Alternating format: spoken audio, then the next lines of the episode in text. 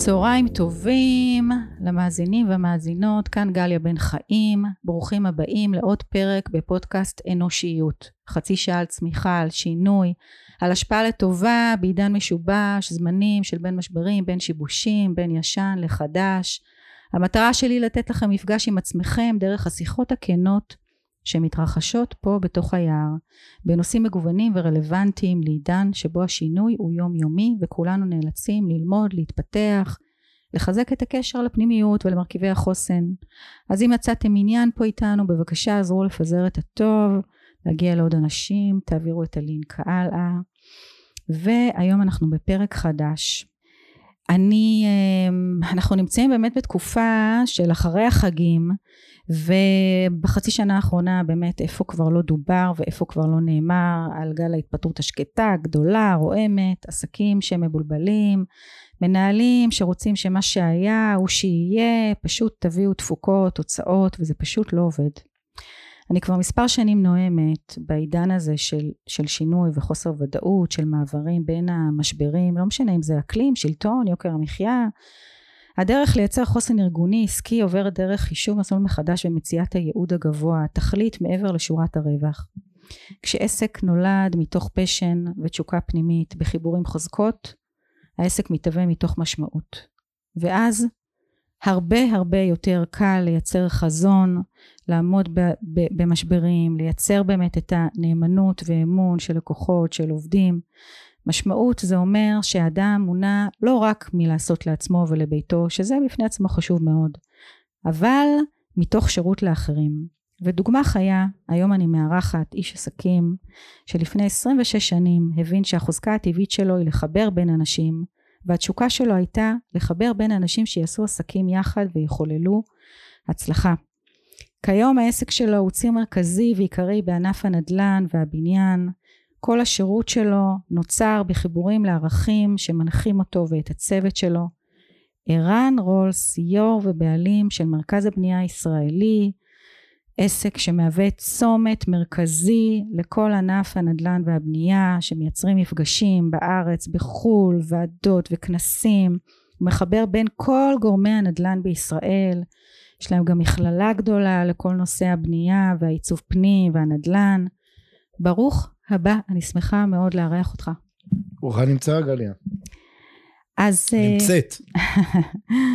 בוא נדבר קצת באמת על מה מניע אותך ועל באמת הציר הזה שמאפשר לך לאורך כל כך הרבה שנים אה, לצעוד באמונה שלמה וככה לסחוף גם את האנשים שלך ולתת באמת אה, השראה לעשות טוב. טוב אז קודם כל מניע אותי להצליח בעסקים.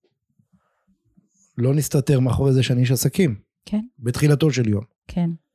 אבל מעבר לזה, אני, אני גם סוג של פעיל חברתי, ומניע אותי רצון אה, להשפיע מעמדת המפתח שנמצא בה, על עשייה טוב במדינת ישראל, ולהפוך את ישראל למקום שיותר טוב לחיות בו, באמצעות חיבור של אנשים טובים לאנשים טובים בעולמות הנדל"ן והבנייה בישראל. כן. אמ, בתפיסת אה, ייעוד שלכם אתם באמת אה, מדברים על זה שאתם בית לכל ענף הבנייה ואתם רוצים ומניע אתכם לייצר שפע והצלחות. וכתוצאה מזה באמת שמעתי אותך לא פעם מדבר על, על החזון הזה שבאמת שאנשים יהיו יותר טובים ואנשים יותר טובים ביניהם, בינם לבין עצמם אז אפשר אמ, לייצר פלטפורמות שיפתרו הרבה מאוד בעיות שהן ברמה מה שנקרא סביבתית, חברתית. אנחנו קודם כל בית, אני רוצה לתקן, לאנשים טובים, ערכיים, אנשים שאוהבים את הארץ הזאת ואוהבים את העם הזה ומקבלים את כל החלקים שבו. אין לי שום עניין להיות בית לכל מיני אנשים שבאים רק לקחת כל הטייקרים למיניהם. וכן, אחד הדברים שמרכז הבנייה עושה, אנחנו מקיימים אה, דיאלוג קשוב, mm-hmm. עם דגש על המילה קשוב, ודיאלוג, לא רק שאנשים מדברים ולא מקשיבים, בין אה, גורמי ממשלה לגורמים בשוק הנדל"ן, האקוסיסטם הפרטי, לרשויות מוניציפליות, במטרה לקדם אג'נדות חשובות, כמו למשל התחדשות עירונית, שזה נושא שהוא בנפשי. אה, מדינת ישראל, למעלה מ-60% מהבתים בישראל, מהבניינים בישראל חייבים להתחדש. יש פה גם אלמנט של, אה, של אה, בטיחות בפני רעידות אדמה, חס חלילה אירוע, אירוע של מלחמה, וגם עניין של משפחה שמקבלת במקום דירת שיכון מסוכנת, מקבלת דירה בבניין שנבנה בסטנדרטים הכי גבוהים, יש פה גם עניין חברתי מאוד מאוד משמעותי. אה, אנחנו מתעסקים בנושא של פריפריה, בנושא של, אה, בנושא של פיזור אוכלוסייה, בנושא של פיתוח פריפריה.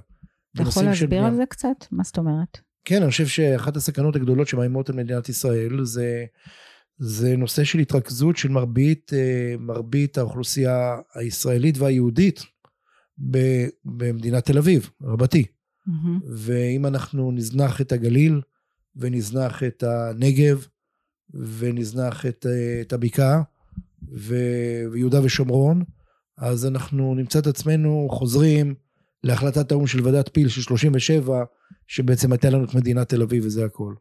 אני חושב שאחד מהחוזקות של המדינה זה ליישב את כל חלקי מדינת ישראל, וגם לייצר, כשאני אומר ליישב, זה לא רק מבחינת לבנות דירות שם ובתים, אלא זה גם מקומות תעסוקה, ולייצר אקוסיסטם שלם של מגורים, ולהביא לשם בריאות ברמה גבוהה. כן. ובתי חולים ברמה גבוהה, וחינוך ברמה גבוהה. זאת אומרת, יש פה אתגר מאוד מאוד גדול, ולהוציא את uh, הרבה מאוד אנשים ממדינת תל אביב, ואני חושב שמחירי הדירות ההזויים שהגענו אליהם, הם אלה שבעצם uh, היום יכולים לייצר אטמוספירה מאוד טובה להרבה זוגות צעירים להחליט שהם עוברים היום uh, לגור מחוץ לתל אביב.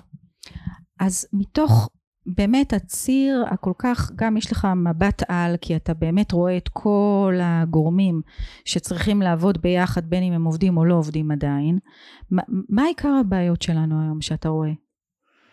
אני חושב שהבעיה שמאיימת על, על בכלל על מהות המעמד הביניים בישראל זה מחירי הדירות.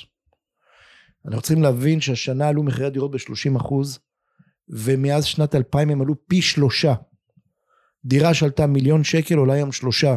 כן. דירה שעלתה שני מיליון שקל עולה היום, עולה היום שישה מיליון שקל. אה, לא ייתכן שבמקומות כמו קריית גת, דירת ארבעה חדרים תעלה קרוב לשני מיליון שקל. או, ב, או בעפולה. כן. זאת אומרת, ה... ומה שחשוב להבין שאין אין שום דבר שמשפיע על יוקר המחיה ועל כל מהות החיים של הישראלי של הישראלים פה בארץ הזאת יותר ממחירי הדירות. כי, כי מה ש... וחשוב שהמאזינים ידעו שיש פה אירוע חברתי לדעתי, שהמדינה החליטה, זה לא ממשלה זו או אחרת, זה כבר כן. 15 שנה, 20 שנה, שהמדינה הפכה את תהליך רכישת הדירה לאירוע מס הכי גדול בחיי המשפחה, חיי הקונה. כן. 65% ממחיר דירה חדשה עובר למדינה. 60 וחמישה אחוז. המדינה הפכה להיות מדינה עשירה עם עודפים תקציביים, ואנשים הופכים להיות אנשים עניים. כי זוג שצריך לקנות היום, אני לא מדבר בכלל על הוד השרון, אני לא מדבר על תל אביב כן, בכלל. כן. תל אביב זה עיר לעשירים בלבד. כן. אני לא מדבר על העוטף של ראשון ו, והוד השרון ורעננה ופתח תקווה. אי אפשר היום לקנות דירה שם והרצליה, אי אפשר כבר לקנות דירות שם. אנחנו מדברים על דירות שמתחילות בשלושה, שלושה וחצי מיליון שקל דירות של שני חדרים. והכל הכל הכל זה עניין של סדרי עדיפויות של המדינה, ואנשים שחושבים שזה זה כוח עליון. Mm-hmm. זה לא כוח עליון. אם כן ביבי, לא ביבי, הבחירות שמתקרבות, זה יעסקו בנושאים של, של, אה, של כן ביבי או לא ביבי, כן. אנחנו מפסידים את העיקר. כי גם אם הקוטג' יעלה עוד עשרה אחוז, וכל הסל קניות, זה ישפיע לנו ב-500 שקל לחודש. Mm-hmm. דירות שעלו ב-30 אחוז בשנה, זה אומר עוד 3,000, 4,000 שקל כל חודש בהחזר המשכנתה. יש פה דרמה שבעצם אין לצעירים שאין להם הורים עשירים מאוד, שום יכולת לקנות דירה במדינת ישראל. ואני חושב שזה הנושא שאנחנו יכולים לדבר פה על הרבה מאוד ערכים, אנחנו יכולים לדבר פה על נתינה, אנחנו יכולים לדבר פה על עשיית טוב, אבל כשזוג צריך לעבוד מבוקר עד לילה בשביל לממן משכנתה של דירה ואני אתן קצת מספרים, דירה ביבנה כן. הייתה צריכה לעלות 800-900 מיליון שקל. היא עולה היום 2.4. דירה בקריית גת הייתה צריכה לעלות היום 650 אלף שקל. מהמם. גם באשקלון, גם, גם בעפולה, גם, ב, גם בקריית שמונה, גם בנתיבות. דירה כזאת עולה היום 2 מיליון שקל לדירת ארבעה חדרים. זה רק עניין של אינטרס של הממשלה. והממשלה מצאה את הדרך הכי קלה, הכי פשוטה, ואנשים פשוט קונים בלי הכרה, ולוקחים עליהם, הם לא קונים דירה, הם קונים חובות. כי המשכנתה היום היא כבר משכנתה של מיליון שקל, שזה החזר של 6,000 שקל לחודש. זה משכנתה שהיא כבר מאוד נפוצה. כן, תגיד, אתם, יש לכם ממש עוד אוטוטו אה, את האירוע השנתי שלכם. עיר הנדל"ן נדל"ן. באילת בדצמבר. יופי. באירוע הזה אתה מפגיש בין כל הרגולטיבים, בין כל המוסדות ציבוריים, בין האנשים אה, מעולם העסקים. כל האקוסיסטם מרגולטורים של המדינה, של הממשלה. יופי. מה, ש- מה יקרה שם שיכול לעשות שינוי? מה, מה השאיפה שלך? מה הרצון שלך? אני, אני חושב, את, את יודעת, גלי, אני מדבר עם רגולטורים, אנשים מאוד מאוד בכירים ממשרד האוצר, מ- כן, מרמ"י, ממנהל התכנון, ממשרד הבינוי והשיכון, רשות התחדשות עירונית, כל הרגולציה של עולם הנדל"ן הישראלי. ויושבים שם אנשים מדהימים, אני אומר לך, אנשים מלח הארץ. מהמם. וכאילו, ורשות המיסים, באמת יושבים שם האנשים הכי טובים. כן, לא נתקלתי באחד שבא מאיזה משפחה של מיליונרים. איזו משפחה של טייקונים עשירים, שאבא סידר לו דירה, לו ולאחים שלו. והחבר'ה האלה, הגאווה הגדולה שלהם שהשנה רשות המיסים גבתה 24 מיליארד שקל, ורש, ורמ"י, רש- רשות מקרקעי ישראל, גבתה 18 מיליארד שקל, ו, ואני לא מדבר על המע"מ, ו, ו, כן, ו- ואני, ואני אומר להם, חברים, אתם מבינים שאתם מצד אחד אולי הצלחתם ל- לגבות המון כסף על ידי העלאת המחירי הקרקעות והמע"מים והמיסים על הדירות, אבל בסוף מי משלם את זה? האם אתה נולדת למשפחה עשירה? אין אחד שאומר לי כן. אמרתי לו, האם כל האחים שלך מסודרים בחיים? האחיינים שלך? מה הסיכוי של אחיין שלך או של אח צעיר לקנות דירה היום? אפס. אפס. היום עם 500 אלף שקל הון עצמי לא קונים כלום. חיסכון של 500 אלף שקל לא קונים כלום. כל מה שמחיר למשתכן, מחיר מטרה, כל המבצעים היום זה, זה הפך להיות לצערי, בגלל המחירים הכל כך יקרים, כוסות רוח למת. אז המדינה מוותרת על קצת מההכנסות שלה, ועושה 300-400 אלף שקל הנחה, אבל ממה? משני מיליון שקל במקום מ-800 או 700 אלף שקל. אז הורידו לאלף, למיליון 700 אלף שקל. כן. יש פה מיליון מיותרים שהמדינה לוקחת. אז מה, מה, מה, מה, מה אפשר לעשות? מה, מה האפשרויות שלכם לעשות, שם, לעשות שינוי? אני, אני חושבת שאנחנו, יש לכם מספיק כוח, ו, ואם באמת נפגשים אנשים מכל המגזרים והמגדרים, יכולים רגע לפתח איזשהו common sense, איזשהו היגיון בריא רגע אני- לחולל שינוי? אני לא נפגש עם האנשים הנכונים. כי האנשים הנכונים זה חבר'ה בגילי השלושים. שהתחתנו, שרוצים עכשיו לקנות דירה ראשונה, אה, איתם אני נפגש. אוקיי, איתם אני לא נפגש. לא נפגש. אלה האנשים שבסוף צריכים לצאת לרחובות. זה לא יעבור בדיבורים זה ובשיח. הפתרון? זה הפתרון היחידי. מה, לצאת לרחובות? ש-400 אלף איש יצאו לרחובות על הטיקט של מחירי הדירות בישראל. עכשיו, זה לא רק מחירי הדירות, זה מחירי השכירויות. גליה, יש לי חברה בכירה בשוק ההון הישראלי. היא בת 50. היא התגרשה לפני מספר שנים לא גדול מבעלה. יש לה שני ילדים, היא הייתה מפרנסת ראשית כל השנים, ממשיכה. היא מרוויחה 20 אלף שקל בחודש. זה המון, נטו. זה הרבה מאוד כסף. נכון, גליה? אה, לא יודעת, לא כל כך. 20 אלף שקל נטו בחודש למשכורת זה המון ש- כסף. ש- למי שמפרנסת יחידי הבית? לכל אוקיי. אחד באשר הוא, זה הרבה כסף. אוקיי, זה המון כסף. אוקיי, ו- וזה אומר משכורת ברוטו, עלות מעביד של זה 45-50, כן, אוקיי? זה משכורת גבוהה לכל, ל- ל- ל- בכל קנה מידה. והיא גרה בדירה שכורה בתל אביב, כן, הייתה משלמת 7,000 שקל. היה נשאר לה עוד 13,000 שקל לחיים. כן, ועוד 7,000 שקל זה רק לשכירות, עוד ארנונה, את יודעת, נכון. ועד בית. אבל היה עוד 13,000 שקל לחיות, לגדל את הילדים שלה. כן, ולפני חודש הגיעה אליה בעלת הדירה, זה בעלת דירה שיש לה עשרות דירות בתל אביב. אוקיי, עשרות דירות, ואמרה לה, תראי, אני עכשיו, אה, מחירי הדירות עלו, וגם השכירויות עלו, ואני מבקשת להעלות את זה מ-7,500 שקל ל-11,000 שקל.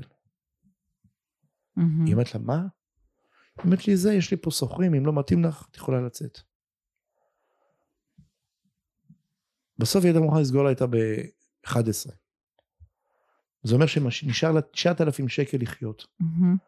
זה חוגים לילדים, זה חופשות, זה, זה בצ... בתי ספר, זה... 9,000 כש-11,000 שקל מהנטו שלה הולך לשכירות של דירה. כן. היא כמובן לא הייתה מסוגלת, והיא בעמדה בכירה, היא סמנכ"לית בכירה בחברה בשוק ההון, באיזה מוסד פיננסי, והיא ידועה ומפורסמת, והיא נאלצה לקפל את ה... בינואר היא תקפל את הדירה. זה קרה להרבה משפחות. זה קרה ערן, להמון. בחצי שנה בשנה האחרונה. זה דרמה. כן.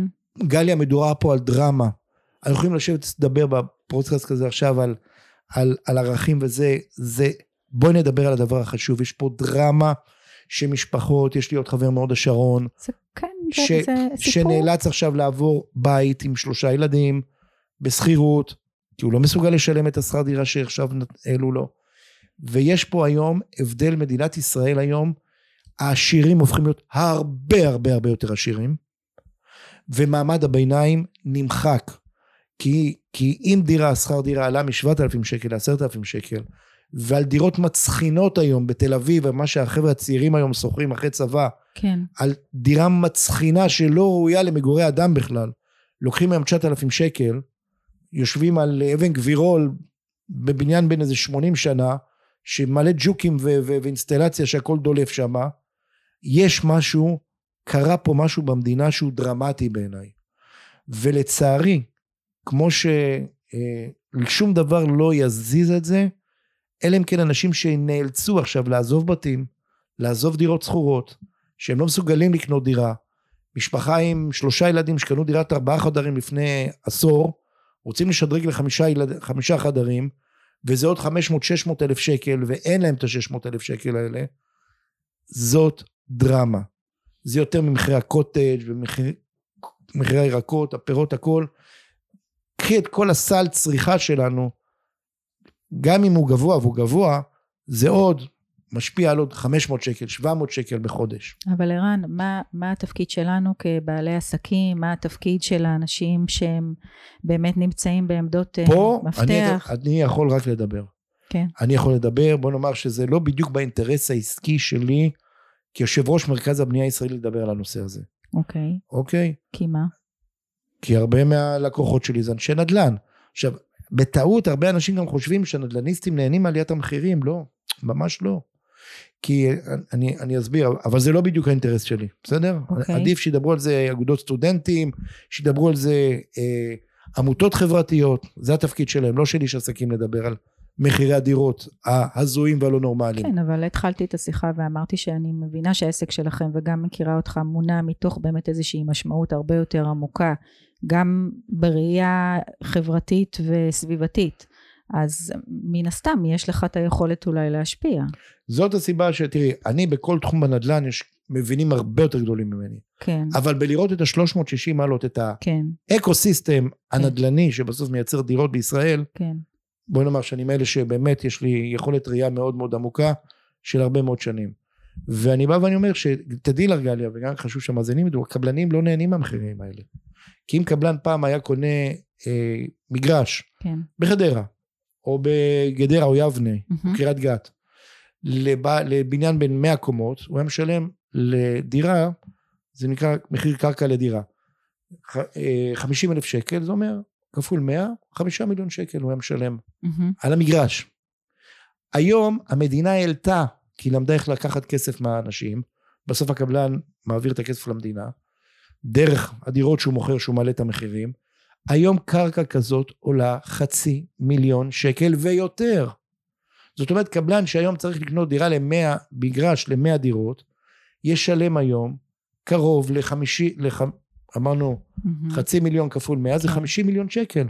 במקום חמישה מיליון שקל. לקבלן זה לא טוב. הוא נכנס לסיכון מאוד מאוד גבוה, הקבלנים גם לא אוהבים את זה. כן, המדינה מאוד אוהבת את זה, משרד האוצר מאוד אוהב את זה. אתה שואל אותי לאיפה זה הולך? לממן ועדים גדולים שלא רוצים להתעסק איתם, עוד כסף לכל מיני, אבל לא ניכנס לזה כרגע, כן. כי זה ייקח הרבה זמן, אבל כן. הסיבה היא שהמדינה הפכה להיות נרקומנית של הכנסות מה, מה, מהזוגות הצעירים דרך רכישת הדירה שלהם. אז אולי יכול להיות שמאגדים את כל הקבלנים והיזמים בעולם הנדל"ן. קבלנים ויזמים לא ילכו לעולם נגד המדינה, הם מחר צריכים לגשת לעבוד איתה, זה רק צעירים, זה אגודות סטודנטים, זה עמותות חברתיות, זה אנשים פעילים חברתיים שכמו שיצאו ב-2012 לרחובות, והיו כמה הישגים מה- מהיציאה לרחובות, כמו למשל סתם סלולר. אני לא יודע אם את זוכרת, גליה, היינו משלמים לכל הילדים שלנו, כן. חשבון טלפון היה יוצא בערך 700 שקל בחודש. מהמם.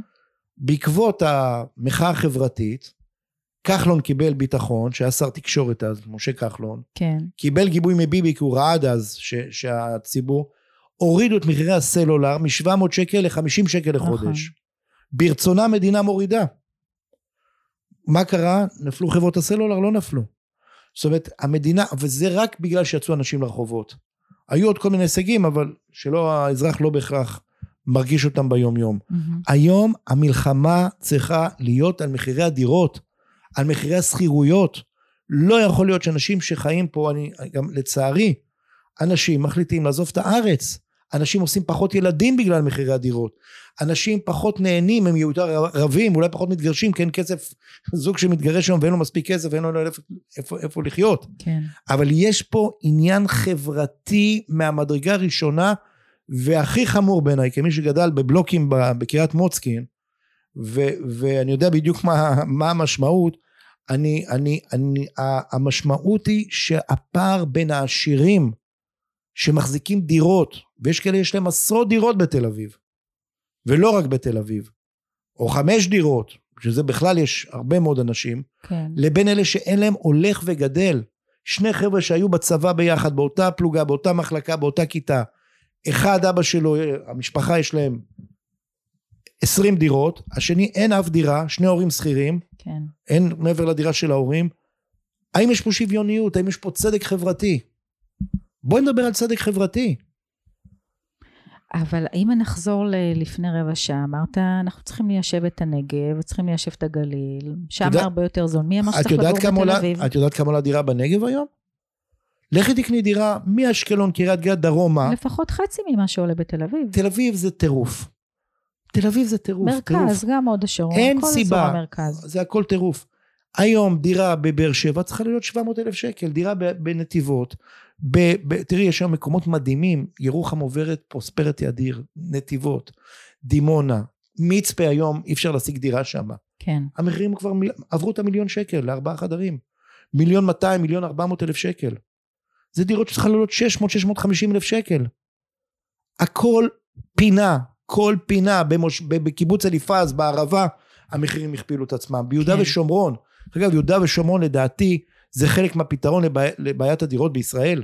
אפשר לבנות שם 50, 100 אלף דירות בקלות, ולהוריד את הלחץ מ... מ... ממדינת תל אביב. אוקיי? ביהודה ושומרון, את יודעת איזה מחירים היום יש ביהודה ושומרון? כן. בעוטף עזה אין דירה פנויה, אין חדר פנוי היום. הכל נמכר, הכל נמכר. אז זה לא שאת עוברת היום לדרום, או לצפון, או ליהודה ושומרון, ואת מקבלת דירות בחצי מחיר. המדיר... גם הדירות שם הכפילו את עצמם ויותר. כן. אני רוצה לשאול אותך שאלה אחרת. אנחנו, לפי הצפי, ב... כשמדינת ישראל תהיה בת 100, אנחנו נהיה כאן 30 מיליון תושבים. אה, לא, סליחה, 17. בין 15 ל-17. נכון? 17 מיליון. למרות שלדעתי תהיה, לצערי הרב, לנו יש ארבעה ילדים, לא לך, כן. לצערי הרב, אה, אה, אני לא בטוח שהילדים שלנו יוכלו להרשות לעצמם להוליד ארבעה ילדים פה ולגדל אותם. כן. מה, מה, מה יקרה פה כשאנחנו נהיה 17 מיליון ואין מספיק אה, מקומות אה, דיור ואין אה, תשתיות מותאמות מבחינת מה שקשור לענף הנדל"ן והבניין? עוד פעם, זה, זה, ברגע שיהיה פה הבנה מערכתית, אנחנו מדברים פה על מדינת היהודים, אבל מה שאני אומר גם למי שלא יהודי זכאי לקבל דירה במחיר הוגן פה. מהמם. אבל אני, אני כרגע מתרכז ביהודים. מדינת היהודים חייבת, בפי- בחזון של הרצל ושל האבות המייסדים של המדינה, שכל יהודי בעולם שרוצה לבוא ולחיות פה יכול לקנות פה דירה. את יודעת גליה שהיום יש זוגות מאמריקה, בני 40, שרוצים לעשות עלייה, מארצות הברית, גם בניו ג'רסי, בקווינס, ב... המחירים בישראל פי שתיים מאשר בג'רזי. כן. פי שתיים. פי שתיים.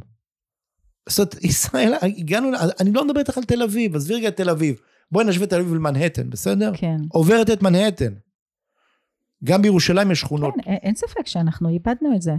אנחנו לא איבדנו את זה, המדינה, משרד האוצר, החליט שיש דרך להוציא מיליארדים על מיליארדים מהאזרחים פה דרך רכישת דירה. דרך אגב, זה גם דרך רכבים. מהמם. אבל רכבים, אני יכול תמיד לקנות רכב ב-30 אלף שקל ולהגיע ליעדי. כן, דירה, אין היום למצוא דירה ב-300 אלף שקל. כן. אז מבחינת הסתכלות עתיד, עתידית, אוקיי? כשאנחנו נגיע להיות פה 17 מיליון תושבים, מה יקרה כאן? מה יהיה? א', מבורך, כי תראי, אם באמת אנחנו נקים אה, מטרופוליטן אמיתי בצפון, אה, חיפה, שתהפוך להיות מט- מטרופולין אמיתי, רוביק דניאל, וזה לא נראה לי שהולך לקרות, חיפה בצלילה. נהפוך בבאר שבע, רוביק עושה שם עבודה מטורפת. ובאמת להפוך את באר שבע למטרופולין של הדרום, כמובן זה חייב לבוא בטיפול אגרסיבי מאוד בבעיית המשילות מול הבדואים, בבעיית הפשיעה במגזר הערבי. המגזר היהודי מטופל מצוין הפשיעה. פרגולה פה בונים לא נכון ומטפלים בזה מיידית. חיסלו פה את כל משפחות הפשע היהודיות בגדול, כמובן שיש במקומם, כן, אבל יש שליטה פה. איבדנו שליטה במגזר הערבי, באלימות. הם סובלים הכי הרבה, זה האוכלוסייה הערבית. הבדואים הפכו להיות מכת מדינה כציבור. אנחנו חייבים לטפל בזה, ואם לא נטפל בזה, מי ירצה לחיות בדרום? כולם יבואו לתל אביב. כן, זאת אומרת, יש פה, יש פה המון אתגרים שהמדינה חייבת לטפל בהם. כן, וזה לא יעבוד בפוליטיקלי קורקט, זה לא, אפשר לדבר פה על ערכים. לא נטפל ביד פלדה בבדואים שהם ירעדו כשהם יראו שוטר, או, ב, או, ב, או, ב, או, ב, או בפשיעה הערבית. היום הפושעים הכנופיות הערביות לא רואות ממטר. כן, זה, זה, זה, יש פה המון דברים שאנחנו צריכים לטפל בהם במקביל לנושא של פריסת אוכלוסייה. אנחנו נצטופף בסוף במדינת תל אביב, כי מי ירצה לחיות בדרום ובצפון? תראי מה הולך הפשיעה החקלאית שם, החקלאים היום מוכרים קרקעות היום לערבים, בגלל ששורפים להם את ה... הורגים להם את הבקר, שורפים להם את הציוד המכני החקלאי, פוגעים להם, ואחרי זה באים, קונים את זה בחצי מחיר. כן, אף אחד לא רוצה ללכת להיות חקלאי היום. יש לנו פה, יש פה, צריכים להסתכל על הדברים בצורה הרבה יותר רחבה. להעביר היום קריות הייטק עם הטבות מס לחבר'ה הייטקיסטים לעבור, תחשבי איזה יופי אם היו מקימים בצמח או בגליל עליון, מקימים עכשיו קריית הייטק. בקריית הייטק ומביאים לשם את חברות הייטק עם, שהחבר'ה ישלמו 20% מס. כן, במקום לשלם את המיסים הגבוהים שההייטקיסטים משלמים פה. אותו דבר בדרום, אותו דבר ביהודה ושומרון. יש פה אה, באמת פוטנציאל אדיר, רק צריך אנשים ש- שיהיו מוכנים לזה. וזה לא יעבוד, אה, לצערי, גם חלק גדול מאוד מהפוליטיקאים, ואני לא איש פוליטי, היום הם אה, אנשים שחיים רק את מדינת תל אביב. כן, הם לא יוצאים, לא יוצאים מגבולות מדינה, הם לוקחים פספורט בשביל לצאת ממדינת תל אביב. מקסימום אה, כביש אחד לירושלים לכנסת וחוזרים. כן, לא יודעים מה זה באמת חיים בדרום, לא יודעים מה זה חיים ב- ב- בצפון, לא יודעים מה זה חיים בבקעה, לא יודעים מה זה חיים ב- ב- בעמק המעיינות, לא יודעים מה זה חיים ביהודה ושומרון. חיים להם את מדינת תל אביב. כן, אחוז מאוד מאוד גבוה מהפוליטיקאים, אני, אני בדקתי את זה, חיים את מדינת תל אביב, וזה המיליה שלהם, וזה החברים שלהם, והם לא רואים ממטר. לא רואים ממטר מה, מה צריך מחוץ למדינת תל אביב. אוקיי, אני רוצה קצת, אמ, ככה לקחנו את הדיון, אה, שיחה שלנו הלכה יותר למקום של המדינה והממשלה ודברים שהם לא בשליטתנו, ואני רוצה דווקא לחזור עכשיו לקראת סוף השיחה בינינו אה, אליכם, מרכז בנייה ישראלי, אליך ערן רולס, שבאמת נמצא בציר, שמונע באמת מתוך אה, משמעות כל בוקר לעשות איזושהי עשייה שהיא, שהיא, שהיא טובה, שהיא, שהיא באמת מחוברת לאיזשהו שירות מאוד גבוה. ואני יודעת שהגעתי כמה פעמים לוועידה שלכם בעיר הנדל"ן בדצמבר בשנים האחרונות, ככה התבוננתי מהצד על איזה דיונים וסוגיות יש מסביב לשולחן אה, שמבקשים לפתור. אז מה מה לא קשור למדינה? זאת אומרת, מדינה אנחנו לא, אנחנו, אתה ואני וחברים שלך ואנשים שהקולגות שלך לא כל כך יכולים לעזור, אבל מה, עומד כרגע על הפרק מבחינתך, שכן אנחנו, הציבור העסקי, יכול לעשות שינוי אה, לטובה בעבודה משותפת עם המוסדות הציבוריים והזרועות האחרות שמחוברות לעשייה שלנו, של המגזר העסקי. מה עומד לכם על השולחן כרגע שאתם כן יכולים להשפיע ו- ו- ולשנות? תראה, אני, האמת היא, עד שלא נפתור את בעיית הדיור, מחירי הדיור הדרקונים האלה, המח... כן. המסרטנים את החברה הישראלית, אין באמת הרבה מה לעשות. אפשר לדבר על מיליון דברים. תראי, אנחנו מאמצים 15 עמותות בעיר הנדל"ן. אוקיי. מביאים 100 איש על חשבון מרכז הבנייה הישראלי. האמת היא זה לא חשבון מרכז הבנייה הישראלי, זה חשבון כל המשתתפים בוועידה. כן. כל אחד אנחנו העלינו קצת המחיר, וכולנו ביחד מביאים 15, 15 עמותות עם קרוב ל-100 אנשים. במטרה? במטרה לחשוף אותם למגזר העסקי, אוקיי. שהם יוכלו לגייס משאבים ושותפויות. Mm-hmm. אם זה מקלטים לנשים מוכות, אם זה נוער בסיכון, כפרים של נוער בסיכון, אם זה אה, ילדים חולי סרטן, אם זה אה, תנועת איילים שבא ליישב את הנגב, גליל, אם, אם זה אה, אם זה ילדים על הרצף שמגייסים אותם לצבא, הרבה מאוד, ו, ו, ואני מסתכל, אתה יודע מה, אין בעיה, ובאמת בפתח כל, כל פאנל, כל דיון, כל הרצאה, כל הופעה, מופיע עמותה, חמש דקות נותן את האג'נדה שלה. זה הזמן הכי יקר דרך אגב שאני מוכר בו הכי הרבה פרסומות מה שנקרא, חסויות. אני החלטתי לתת את זה. יש מודעות של הענף העסקי. יש, יש אנשים מדהימים, כן. לעזור ולתת זה, מקום לעמותות. דברים מטורפים, דברים מטורפים, מטורפים. אבל תחשבי אפילו, נגיד קחי את אה, בת מלך מקלטים לנשים מוכות, בסדר? כן. תחשבי שהם היום צריכים, ל, ל, רוצים ל, ל, לעזור ב, ב, בפתרונות דיור לנשים אחרי, זה, זה נשים שבאמת הם מצילים את חייהן ואת חיי הילדים שלהם. כן. ומשקמים אותם נפשית. ו... ו... תחשבי, אישה, אישה כזאת, מה הסיכוי שלה למגורים כמו שצריך אפילו אחרי זה, במחירי נכון. השכירויות של היום? מי מדבר בכלל לקנות דירה? כן. מה הסיכוי שלה לגדל את הילדים שלה במקום איכותי ו... ו... אפס. אז אנחנו יכולים, אנחנו, המגזר הפרטי, לעשות משהו, באמת לתת, וקורים שם דברים מדהימים. חברות בנייה ונדל"ן ותעשיות ומשרדי עורכי דין לוקחים תחת חסותם ו- ו- ומאמצים ו- ועושים עבודה מדהימה. מדהימה, באמת, חברות כמו אפריקה ישראל, באמת. דברים מדהימים הם עושים את זה. אבל, אבל, אבל אני אומר, אבל העזרה היום, בסוף כל פרויקט צריך ארבע קירות בשביל להתקיים בו. החיים הם לא בדיגיטל. החיים האמיתיים הם בתוך ארבע קירות. Mm-hmm. בין אם זה דירות, בין אם זה משרדים, בין אם זה חנויות, בין אם זה מסחר, בין אם זה כל הדברים האלה.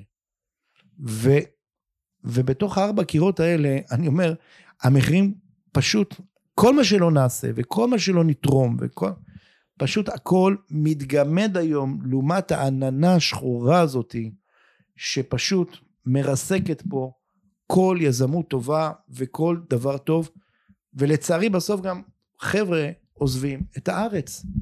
כי הם היום ב-9,000 שקל במקומות אחרים שוכרים היום ארמונות והם יכולים ב-3,000 שקל לחיות ו-4,000 שקל שכירות ולא לשלם 9,000 על דירה, דירה מעופשת, נדבר חבר'ה צעירים אפילו אחרי צבא. אומרים אנחנו באים נוסעים ל... והם נשארים שם כבר. כן. ו- וזה כואב וזה מאוד מאוד כואב. ו- ו- ו- ו- ועוד פעם, הפערים האלה, ישראל לא יכולה להיות כמו אמריקה. ישראל לא יכולה להרשות לעצמה פערים כלכליים כל כך גדולים בין ילדים של עשירים לבין ילדים של מעמד ביניים. כן. וזה משהו שאני, אני, אפשר כמובן לדבר על לעשות ככה ולעשות, ו... אנחנו עושים. יכולים אבל... לדבר רק על מה שביכולת שלנו להזיז ולשנות. בוא נגיד, אנחנו לא בסוף יושבים ושוקטים על השמרים ומחכים שהמדינה תעשה בשבילנו הרבה דברים, אנחנו גם עושים, נכון? זה לא, תשמע, יש הרבה דברים שאם היינו מחכים שהמדינה תעשה, הם לא היו קורים, כולל העשייה של העמותות האלה. אה, אני אומר, בסוף אז... זה אנשים שקמים ועושים מעשה. אני אספר לכם על אה, מנכ"ל אה, דניה סיבוס, רונן אממ. גינזבורג, מקווה שלא יכעס עליי. הבאתי אותו, ל... יש אה, בית בנג'י ברעננה, שזה אה, בית לחיילים חיילים. קרביים בודדים. כן. אבל המכנה המשותף זה שבנים ובנות קרביים, mm-hmm. שהם עלו לארץ ואין להם אף אחד פה. כן.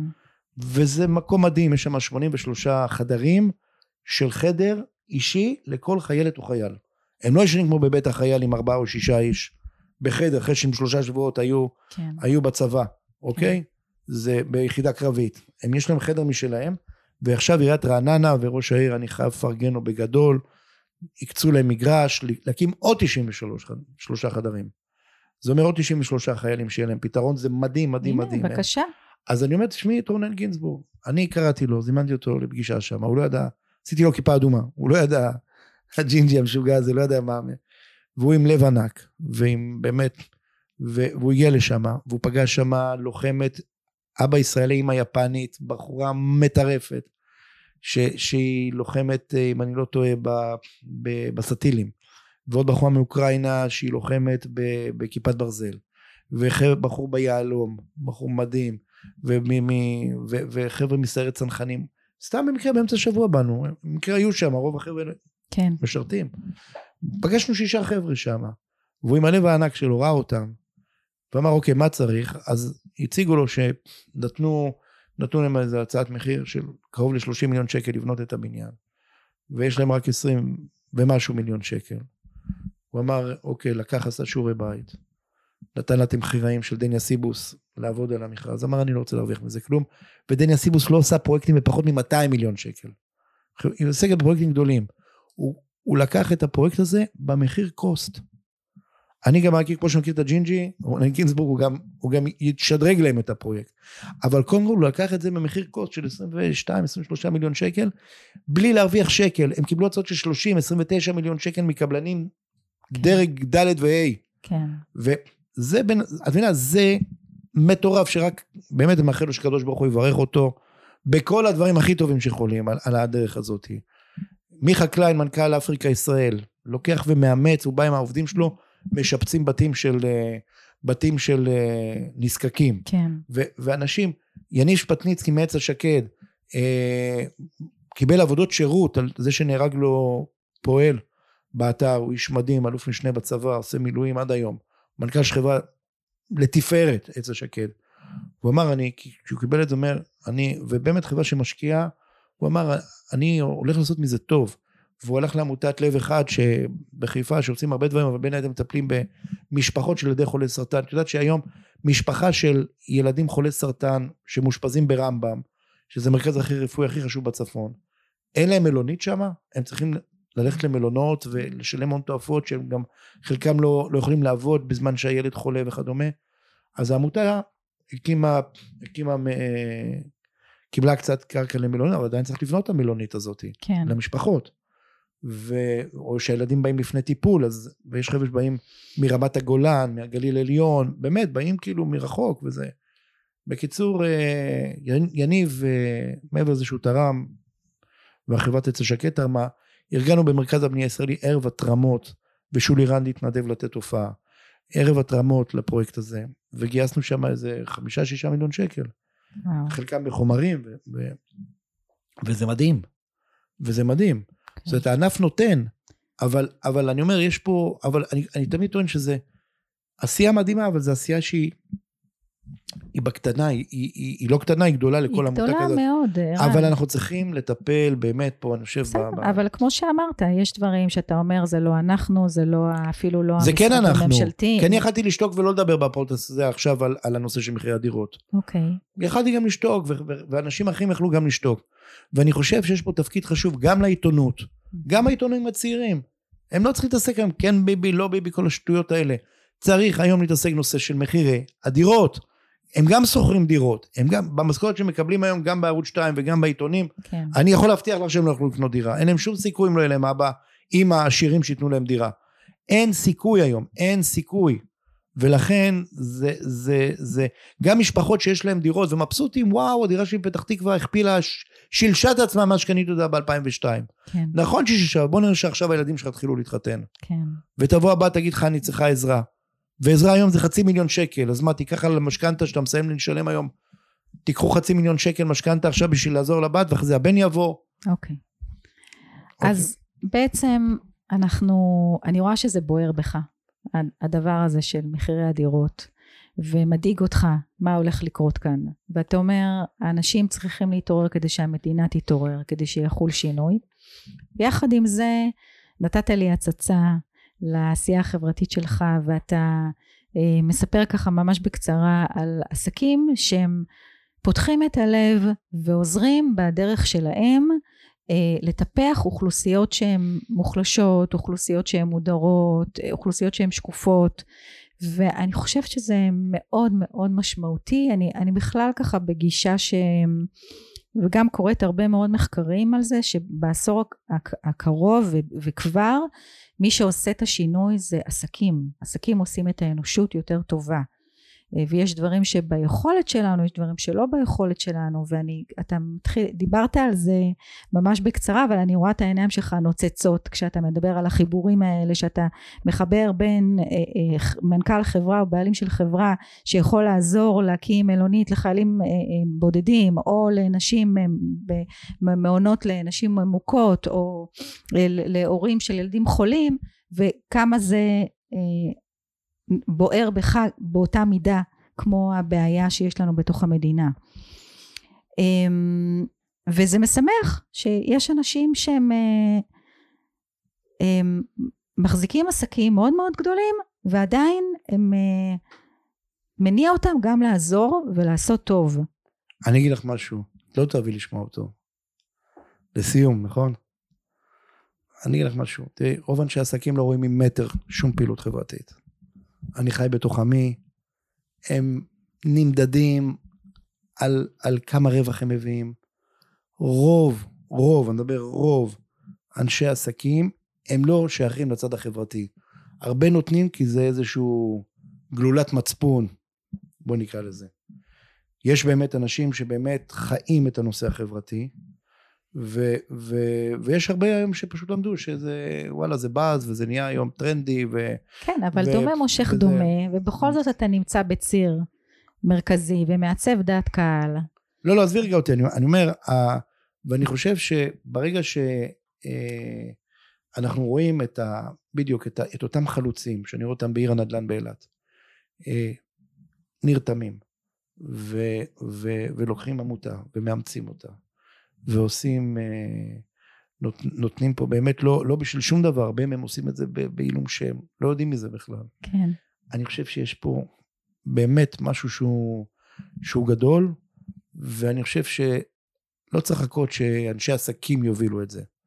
כי רוב האנשים הבאמת טובים שאני מכיר זה אנשים הרגילים. שהם לא בעלי עסקים, זה השכירים, בעלי עסקים קטנים. Mm-hmm. אלה האנשים הבאמת טובים. שם אני מחפש את הטוב. הטוב צריך לבוא משם. אמת מארץ תצמח. ערן, לסיום, יום שמח בשבילך, כשאתה מסיים אותו, מה, מה, מה, מה צריך לקרות בו? אה, מה צריך לקרות בו? כשאתה מסיים את ואתה אומר, אני שמח, היה יום טוב. תראי, שאני, שאני מרגיש שאני באמת תרמתי משהו, שאני עשיתי משהו שהוא, שחיברתי בין שני אנשים טובים, בעולם, אני חי בעולם הנדל"ן, בעולם הנדל"ן, ויצרתי יצרתי חיבור ביניהם, והם יעשו בעזרת השם עסקים טובים, ועסקים טובים מגדילים את הטוב פה. או פתרתי איזושהי בעיה בין אנשים שאני משמש להרבה הרבה מגשר בלי מינוי רשמי. כן. אני תופס שניכם, בואנה, בואנה שניכם באוזן, מביא אתכם. אתם שניכם אנשים טובים, אתם לא ממשיכים לריב מהנקודה הזאת. או מייצר, יוצא לאיזה אצל רגולטורים הבנה לצרכים, מתרגם את הצרכים של אנשים הרבה פעמים, או צרכים של רגולטורים, מתרגם את זה לשוק הפרטי או כן. לשוק המוניציפלי. אני, אני יודע, אני טוב בתרגום, אני טוב בלהנגיש מידע להנגיש. בצורה, ו, וזה עושה לי טוב. תראי, אני, במקום שגדלתי, אני גדלתי בקריות, בדירה בקומה רביעית, בלי מעלית, בבלוק, משפחה מאותגרת כלכלית. אמ, אני לא, אני בלי בגרות, אני לא הייתי בצבא קצין, אני בלי, בלי בלי תואר, יצאתי לחיים, לא שאני מנסה להצטנע, אבל לא היה לי הרבה ציפיות מעצמי. הגשמתי אותם כלכלית ומעמדית הרבה מעבר נמצא למה שחשבתי שאני אהיה. וזה דרך אגב אחת הסיבות לאושר שלי, לשמחה שלי. כן. אני מסופק, כאילו מה שהגעתי מספיק לי, אני לא צריך להיות יותר מזה. כן. אם אני מתקדם, סבבה, אבל כאילו יש לי את זה. אז, אז אני אומר, הקטע הכלכלי, שעוד פעם אני לא מנסה להסתתר פה מאחורי ערכים וסיפורים וציונות. הקטע הכלכלי, שאני כמובן רוצה להרוויח כסף, אבל הוא לא המניע אותי. כן. יש לי אנשים שאני מכיר וחברים, שזה הדרייב המרכזי שלהם. כי הם ציפו מעצמם הרבה, ומצפים מעצמם הרבה, וגם אם יהיה להם פי עשרה ממה שיש לי, זה לא יספק אותם אף פעם, כי הם רוצים עוד, כן. ועוד, והם מתעסקים רק בזה בעיקר. אז אני, כשאני עושה את ה... מכיוון שהחלק הזה אצלי יחסית מסופק, כן. לא כי אני כזה טייקון, אלא כי פשוט יש לי יותר ממה שחשבתי שיהיה לי, וזה מה שחשוב. התיאום ציפיות. אז, אז אני אומר, ה, ה, ה, הדבר שהכי עושה לי טוב, זה, זה לדעת שאני גם תורם, שאני עושה פה את ישראל מקום שיותר טוב לחיות בו. וזה, אני חושב, אם כל אחד מאיתנו ייקח את המשימה הזאת, לעשות את ישראל, ולא משנה, יש בהמון דרכים איך לעשות את זה. נכון. כל אחד מאיתנו בסוף אנחנו טיפה אחת בים. כן. אבל טיפה מייצרת זרזיף, והזרזיף הזה בסוף מייצר פלג שמייצר נחל, שמייצר נהר, בסוף מייצרים אגם שבעזרת השם כמו הכנרת תהיה מלא כל הזמן, וזה התפקיד שלנו, אמן. להיות טיפות. שנהיה טיפות. תודה רבה לכם, מאזינים, מאזינות, יום טוב, להתראות. תודה, ערן.